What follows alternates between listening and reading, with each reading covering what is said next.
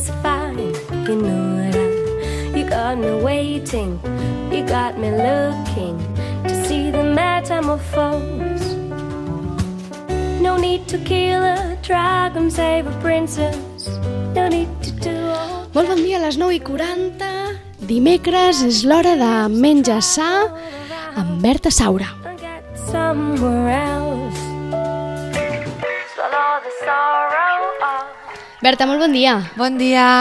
L'altre dia, dimecres passat, primer dia, ens va deixar una mica apagats, eh? Re de sucre, re de postres, en dir, mare meva, que ens ens farà dur aquest estiu. Així que avui ens portes propostes d'esmorzars saludables. Doncs sí. Aviam, espero avui alegrar-vos una miqueta més Sí, la vostra moralitat nutricional. Segur que sí, segur que sí. En tot cas ens quedem, eh, amb aquella idea. Ja sabeu que el del sucre no, eh? El sucre és aquella droga permesa que ens comentava, que ens comentava la, la Berta. Per tant, deduïm que avui en aquests esmorzars saludables no hi haurà sucre. És l'àpat més important del dia, Berta, l'es- l'esmorzar? Sí, aviam, jo sóc defensora de, de fer un bon esmorzar. Però sí que és veritat que cada persona és un món, cada persona té els seus hàbits, les seves costums, els seus horaris, o simplement no té gana quan s'aixeca, i és totalment respectable. Aleshores, em, jo penso que si tu, a, a més d'aquest esmorzar, els altres àpats són nutricionalment complerts, doncs no et caldrà aquest esmorzar.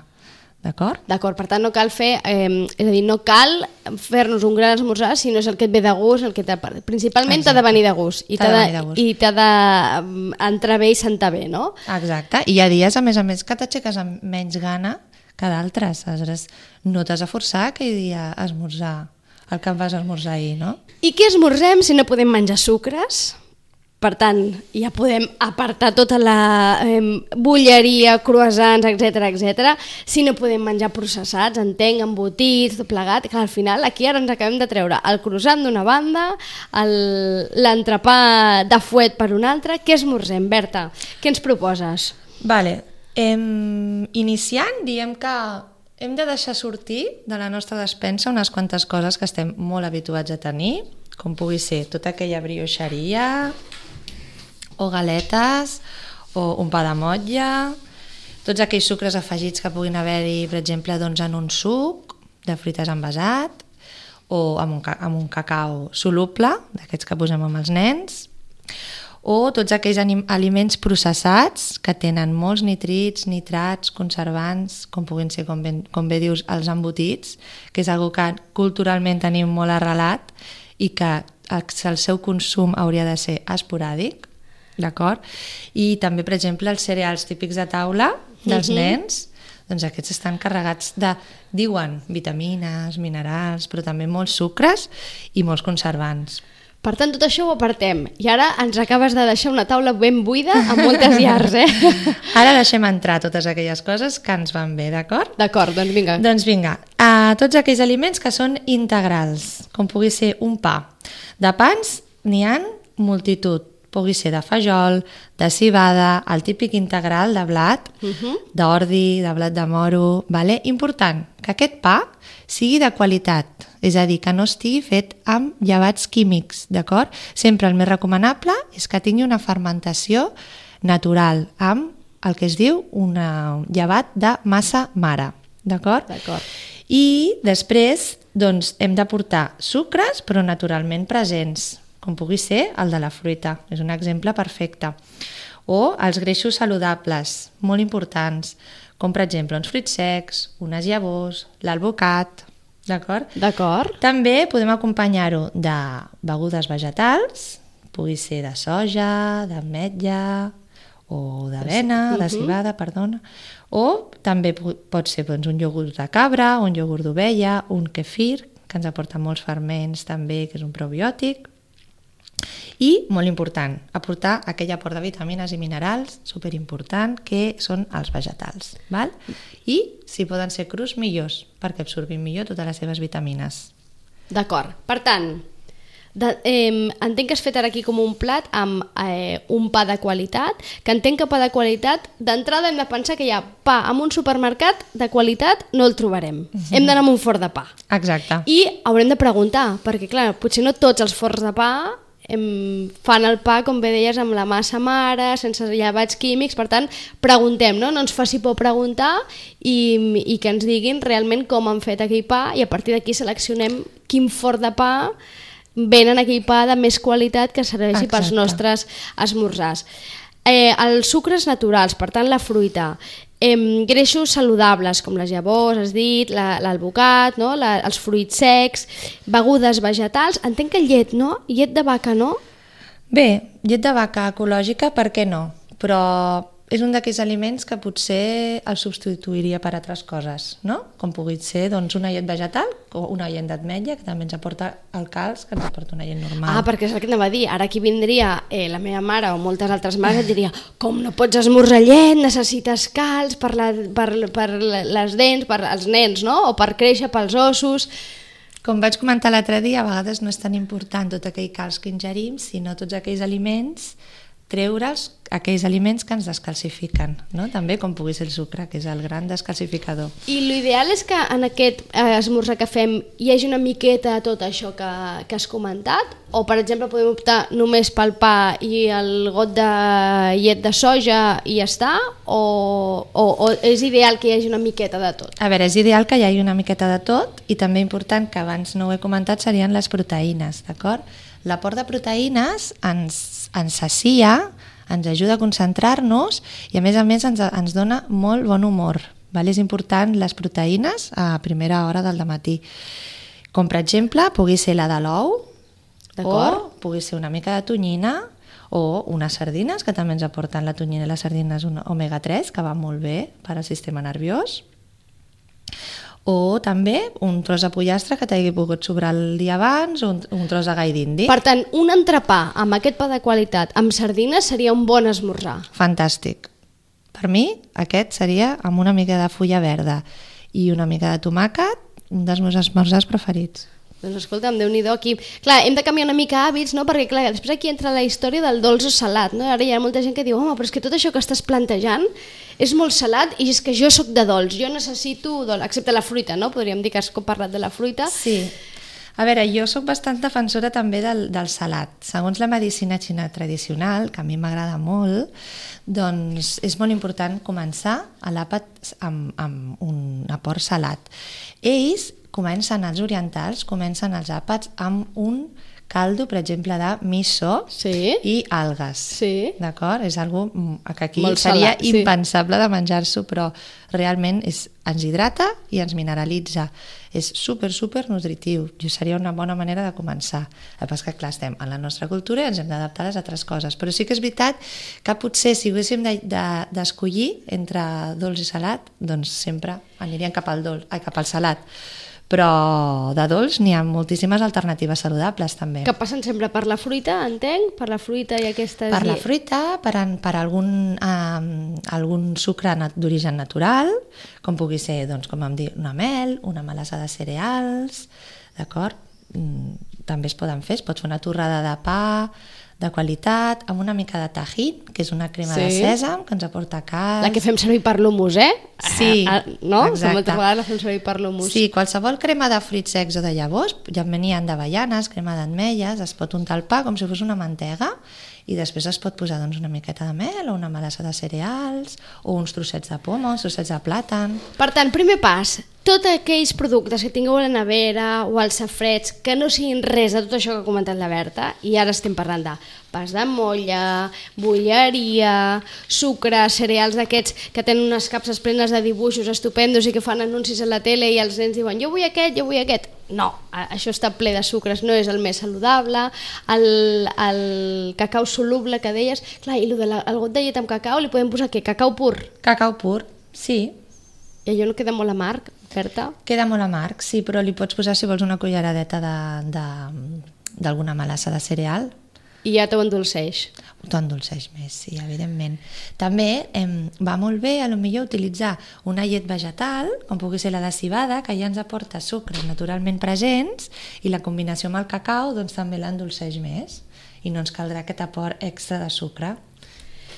Estàvem parlant de, de, de l'esmorzar el, el típic, no? totes les opcions que tindríem. Has, pre has preparat també possibilitats eh, pensant en si estem parlant d'una persona més esportista, per tant que hagi de fer un, un desgast calòric més gran, no? que pot ser un altre, o de, en cas d'un nen, no? que parlaves també d'alternatives, què els hi donaríem o què, què, podries, què proposaries per ells? A veure, en cas d'un esportista, doncs l'esportista necessita energia, d'acord? Molta font de carbohidrats, greixos saludables i proteïnes. Esta, aquesta combinació és la que ens aportarà sacietat, ens donarà energia i gasolina lenta per anar consumint al llarg de tota la cursa o de tot l'esport que es vagi fent. Va, aleshores, un exemple seria, per exemple, un batut que puguis fer-te amb llet de cibada, amb cacau pur, que ens aporta molts antioxidants, i una peça de fruita. Jo li posaria un plàtan, aquest plàtan, a més a més, ens aporta magnesi i potassi. D'acord. Molt bé per, per la musculatura. Vale.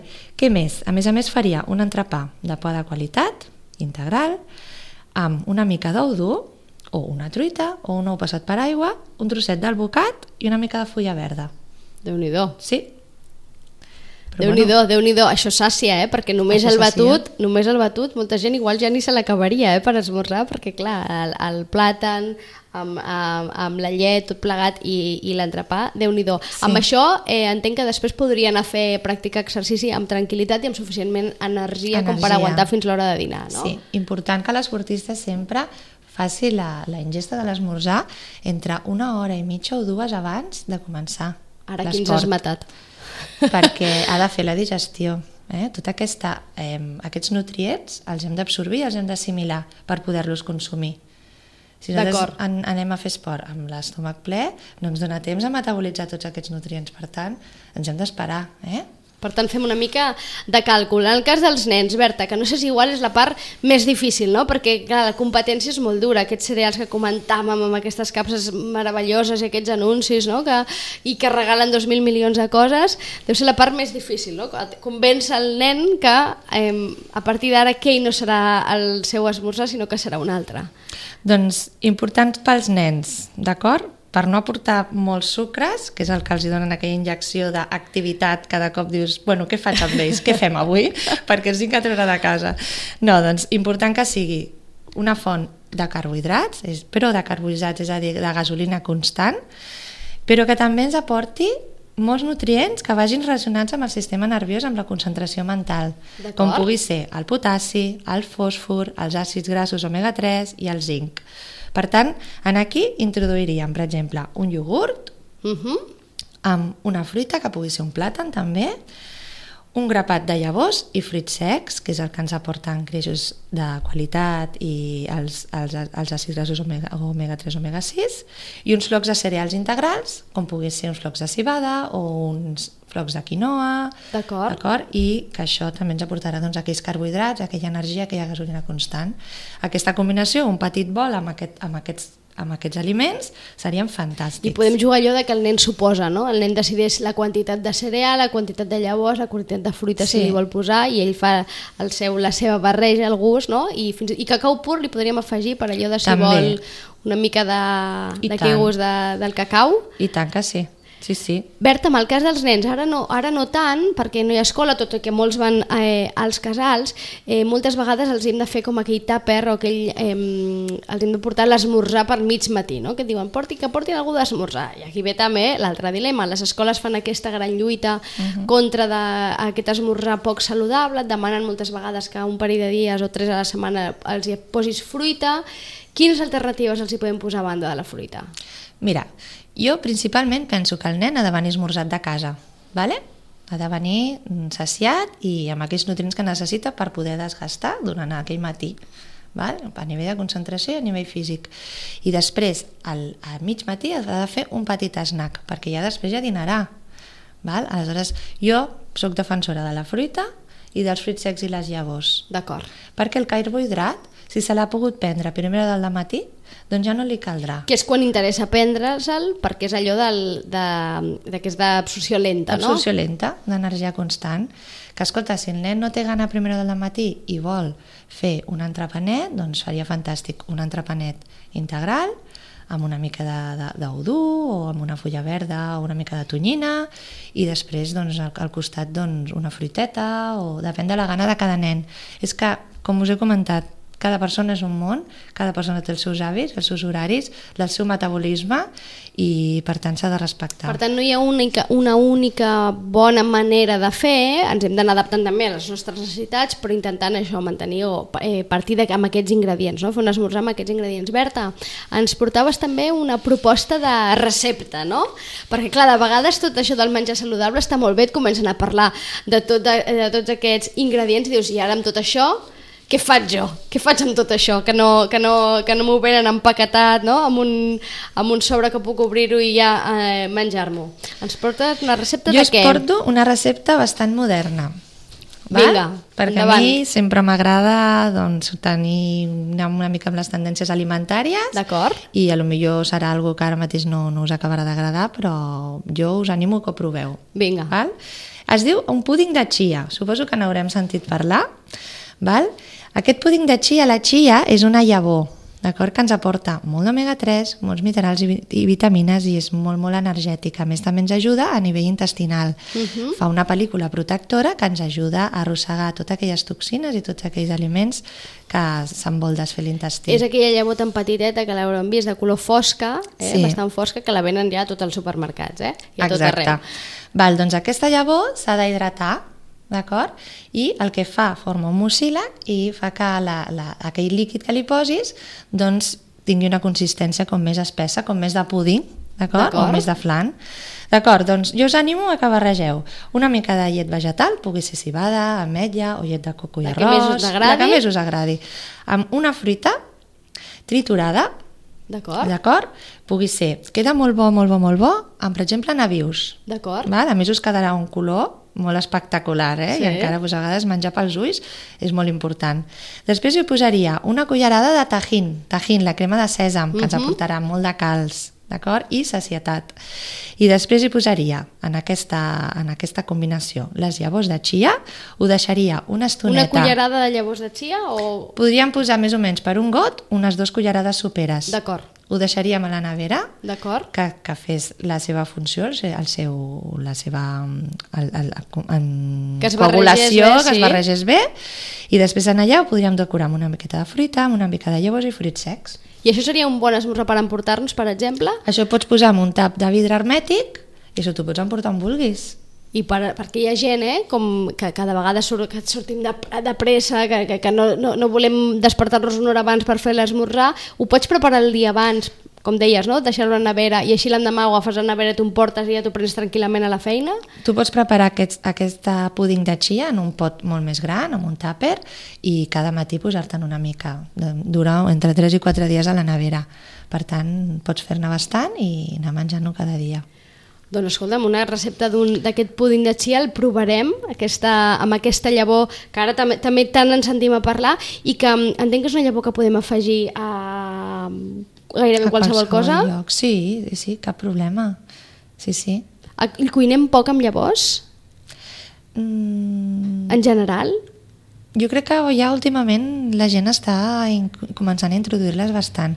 Siguin les típiques pipes de girassol o les pipes de carbassa que et puguis posar a l'amanida o també en forma de sèsam, no? Utilitzem bastant el sèsam. No sé, jo pel, pel meu punt de vista... I en o... l'esmorzar és el que comentava, no? és aquest greix saludable que és tan important i que a més és molt fàcil d'afegir, no? amb És un iogurt, fàcil, sí. amb un batut, amb, fins i tot amb una torrada, no? amb una torrada amb una mica de, d'alvocat, li, llen- li poses per sobre una mica de, de llavors, De llavors, de, sí. o de pipes, no sé què, i estàs aportant i, mm, i és fàcil de, de posar, és fàcil de tenir. Déu-n'hi-do el, els canvis d'esmorzars, eh? això no sé si ens costarà una mica, però Una altra vegada. a poc a poc, a poc a poc. La intenció és aconseguir aquest menjar sa. Berta, moltes gràcies. Ens veiem la setmana vinent. A vosaltres. Fins que vagi ara. molt bé.